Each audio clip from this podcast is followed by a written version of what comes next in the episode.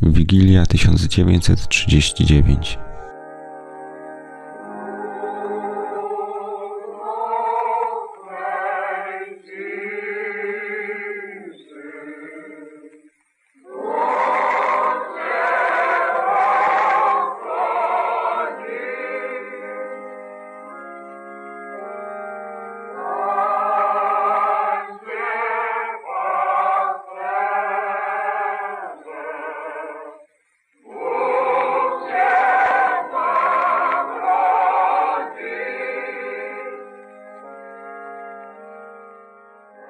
Nadeszła Wigilia Bożego Narodzenia roku 1939. Społeczeństwo polskie wchodziło w okres świąteczny z przygnębieniem i smutkiem. Upadek II Rzeczypospolitej i związane z tym tragiczne wydarzenia września 1939 roku odcisnęły piętno na Polakach. Wszędzie wciąż dostrzegalne były rany zadane Polsce przez niemieckiego i sowieckiego najeźdźcę. Na domiar złego obaj okupanci sukcesywnie wzmacniali system represji ludności cywilnej która już zdążyła poznać jego pierwsze objawy. Największe trudności nastręczało oczywiście zdobycie żywności, aby przygotować na Wigilię wszystkie 12 potraw. Zakup śledzi był niemożliwy, cena karpia była poza zasięgiem przeciętnego obywatela, dlatego postanowiono radzić sobie w inny sposób. Ryby przygotowywano z soi lub jajek. Nie stwarzało natomiast problemu przygotowanie barszczu. Innym produktem, który stanowił substytut dla potraw wigilijnych, były ziemniaki. Wspominał o tym w 1958 roku Władysław Bartoszewski. Apetyt zaspokajano plackami kartoflanymi na oleju lub po prostu kartoflami z surową cebulą. Chude ciasto z kartkową margaryną, w którym jaja zastępowano niekiedy dynią albo proszkiem jajecznym, pełniło obowiązki świątecznego deseru. Problemy z aprowizacją wspominał również Andrzej Świętochowski. Od stycznia 1943 roku żołnierz Kedywu Okręgu Warszawa Armii Krajowej. Święta 1939 roku zapowiadają się bardzo biednie. Nie ma żywności i pieniędzy, ja moimi sankami zarabiam niewiele, ojciec dopiero wrócił z tułaczki. Na parę dni przed świętami ktoś dzwoni do drzwi. Otwieramy, a w drzwiach stoi jak święty Mikołaj starszy brat mojej mamy, wuj Staś Kowalski, w kożuchu, filcowych butach i futrzanej czapie na głowie. Okazuje się, że siostra mojej mamy, ciocia Zosia, wysłała go wraz z furmanem z Podębia wozem pełnym prowiantu. Przybyli w czasie mrozu 80 km i na drugi dzień pojechali z powrotem. Mamy więc żywność, nawet o tym nie marzyliśmy. Mama dzieli się ze znajomymi, którzy również są w biedzie i święta wydają się dostatnie i spokojne. Swoją pierwszą okupacyjną wigilię wspominał również Ryszard Sobierajski, który mieszkał wówczas z rodzicami i siostrą w Rembertowie pod Warszawą. Dorośli organizowali wyjazdy na wieś po towar. Moi rodzice próbowali wyjazdów razem, ale to im nie pasowało, bo w domu zostawałem sam z pięcioletnią siostrą na głowie. Tym razem w teren wyruszył tata sam, z myślą, że coś przywiezie na święta. Czas płynął, byliśmy pełni obaw. Ojciec nie wracał. Mama była bardzo zdenerwowana, ponieważ ojciec zabrał wszystkie pieniądze, a święta tuż tuż. Napięcie w domu rosło. Nadchodziła ostatnia noc przed Wigilią. Mama swój niepokój wyrażała już głośno. Oczy miała czerwone, zapłakane i głośno wzdychała. Jeszcze jej w takim stanie nie widziałem. Położyłem się spać, ale nastrój mamy i mnie się udzielił. Nie mogłem zasnąć, rozmyślałem nad tym, co mogło ojca zatrzymać. Wtedy usłyszałem, że ktoś wszedł do domu i głos mamy. Nareszcie wróciłeś. Martwiliśmy się o ciebie, a gdzie towar? Nie mam, wszystko nam zabrali Niemcy, odpowiedział ojciec. Jezu, jęknęła mama. Ja odebrałem tę sytuację inaczej. Tata wrócił i zasnąłem. Następnego dnia był 24 grudnia, Wigilia. Przywitałem się z tatą ucieszony, że wrócił, ale ojciec był przygnębiony. Popatrzył na nas, pogłaskał siostrę Wiesie po głowie i powiedział przez łzy: Tak, kochane dzieci, idą święta a żandarmi zabrali nam po drodze wszystko. W jego oczach szkliły się łzy. Co my teraz będziemy jedli? I tu ojciec opowiedział, jak całe zajście przebiegało. Weszli żandarmi do wagonów i wyrzucali wszystko, co wpadło im w ręce. Nawet ludzi, którzy trzymali kurczowo swój towar. W wagonie rozległ się krzyk, pisk i płacz. Na polu zostało wiele osób na mrozie. Byli pobici, ograbieni i bezsilni. Zrozumiałem, że nasze święta będą marne. Prezentów nie będzie, a może i choinki. W wielu rodzinach pierwsza wigilia pod okupacją będzie obchodzona żałośnie. Przy stole często będzie brak kogoś bliskiego. Mama smutna, ale zabrała się do przygotowania czegoś do jedzenia na mleku. Zaprosiła ojca, ale odmówił. Odwrócił się do wyjścia, przy drzwiach powiedział: Idę po choinkę. W czasie, kiedy ojca nie było, przygotowaliśmy stroiki i świeczki na choinkę. Tata wrócił po trzech godzinach. Przyniósł dwumetrową sosenkę. Nie byliśmy zachwyceni, ale widząc ogromne zatroskanie rodziców w tym dniu, przystąpiliśmy do strojenia drzewka. Pamiętam tę scenkę przez całe życie. Choinka była przepiękna, cała w bieli jak panna młoda. Gorzej było z prezentami, słodyczami i potrawami, ale i one w odpowiednim czasie, dzięki pomocy rodziny i sąsiadów, znalazły się na stole i pod choinką. Były typowe dania. Kapusta z grzybami, śledzie z cebulą, dwie rybki, kluski z makiem, który można było policzyć. Najważniejsze, że Wigilię mieliśmy we własnym domu i w komplecie z ojcem.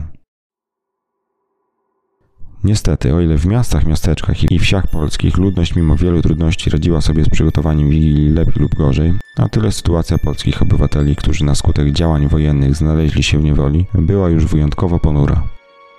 Nieznany autor pamiętnika znalezionego w katyńskiej mogile tak pisał. Wczoraj byliśmy wszyscy fotografowani. Wracając przez las, zbieraliśmy gałązki, by zrobić choinkę. Sporządził ją major Podolski. Dziś Wigilia. Opłatek zrobiony przez kolegów. Stół nakryty prześcieradłem.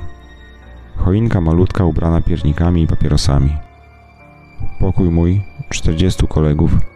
Dzielimy się opłatkiem i wśród szlochów i łez, z całą duszą i sercem, rwie się każdy z nas do najdroższych.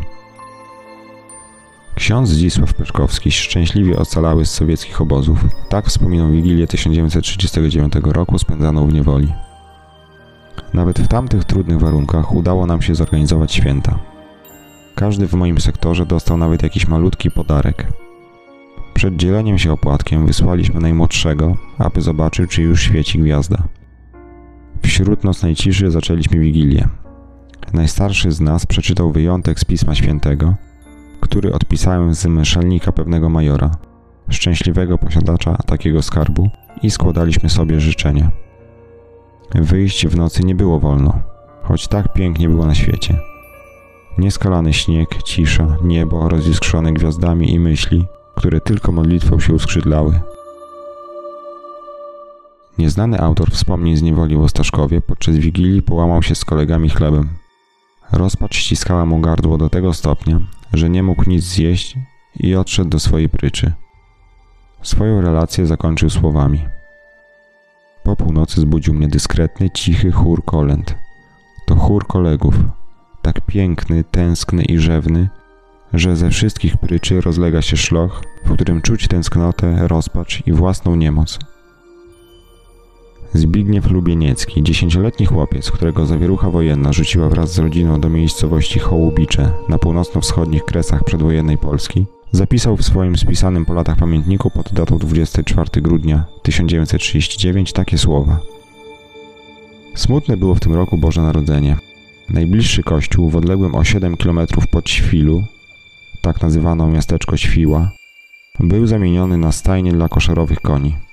Skromna wieczerza wigilijna przypominała raczej stypę. Ciotka płakała, matka miała zaciśnięte usta i wyglądała bardzo obco. Przy tradycyjnym składaniu życzeń Podczas dzielenia się opłatkiem, matka wstała. Trzymając w ręku symbol Boga, który głosił miłość i nadzieję, mówiła: Moi drodzy, po raz pierwszy nie spożyjemy tego symbolu pokory i miłości ze słowami ukorzenia. Niczego sobie nie życzmy. Jedno mamy ukryte w sercach życzenie i tego nikt nam nie wydrze. Tym naszym życzeniem jest pragnienie wolności dla ojczyzny. Życzenie, aby nogi tych, co ją dzisiaj depczą, nigdy po niej nie stąpały. Przysięgnijmy sobie w duchu nienawiść wszystkim tym, którzy nas ciemiężą. Głośmy nienawiść w imię miłości. Wtedy przetrwamy. Tymczasem polskojęzyczna prasa wydawana przez niemieckiego okupanta, tak zwane gadzinówki, również odniosła się we właściwy sobie sposób do świąt Bożego Narodzenia. Na łamach wydanego 23 grudnia 1939 roku 64 numeru Nowego Kuriera Warszawskiego można było przeczytać. Tylko czekać, jak gwiazda betlejemska wzejdzie. Gwiazda wyglądana tym razem może przez nielicznych tylko. Albowiem ogrom nieszczęścia i tragicznych przeżyć odwraca uwagę od najpiękniejszych nawet obyczajów. Lecz mimo to zasiądziemy przy stołach wigilijnych, łamiąc się opłatkiem. Święto Bożego Narodzenia bowiem ma to do siebie, że zmusza do skupienia się w sobie i uczynienia bilansu swoich poczynań i zamierzeń.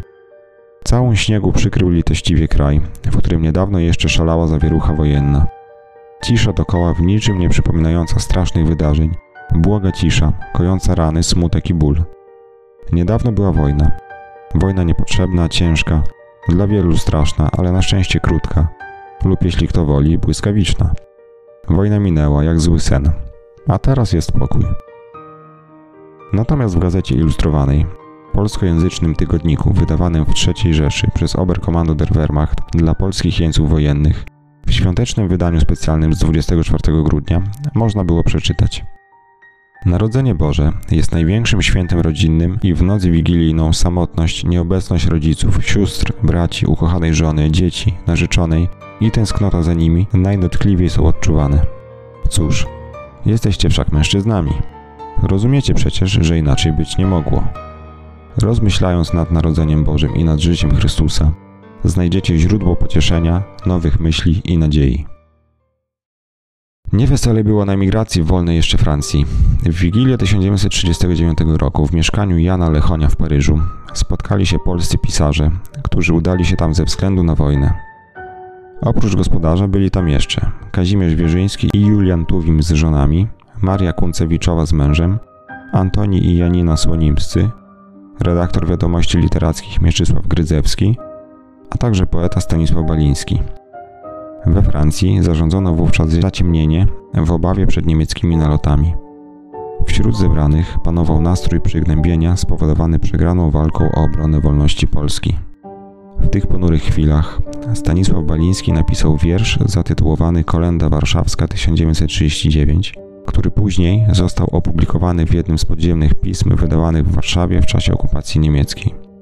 Kolenda Warszawska 1939 doczekała się interpretacji muzycznych w wykonaniu Sławy Przybylskiej, Justyny Szafran czy Margaret. Autorem współczesnej wersji melodii jest Zbigniew Preisner. Zachęcam Was do odsłuchania tego utworu. Niech wprowadzi nas w nastrój zadumy i rozważań o naszych wyborach i idących za nimi konsekwencjami. Życzę Wam i sobie, abyśmy nigdy nie popełniali błędów, które zostały już popełnione. Tekst tegoż utworu brzmi następująco. O matko, odłóż dzień narodzenia na inny czas. Niechaj nie widzą oczy stworzenia, jak gnębią nas. Niechaj się rodzi syn najmilejszy wśród innych gwiazd, ale nie u nas, nie w najsmutniejszym ze wszystkich miast. Bo w naszym mieście, które pamiętasz z dalekich dni, krzyże wyrosły, krzyże i cmentarz, świeży od krwi. Bo nasze dzieci pod szrapnelami padły bez tchu. O święta Mario, módl się za nami, lecz nie chodź tu. A jeśli chcesz już narodzić w cieniu warszawskich zgliszcz, to lepiej zaraz po narodzeniu rzuć go na krzyż.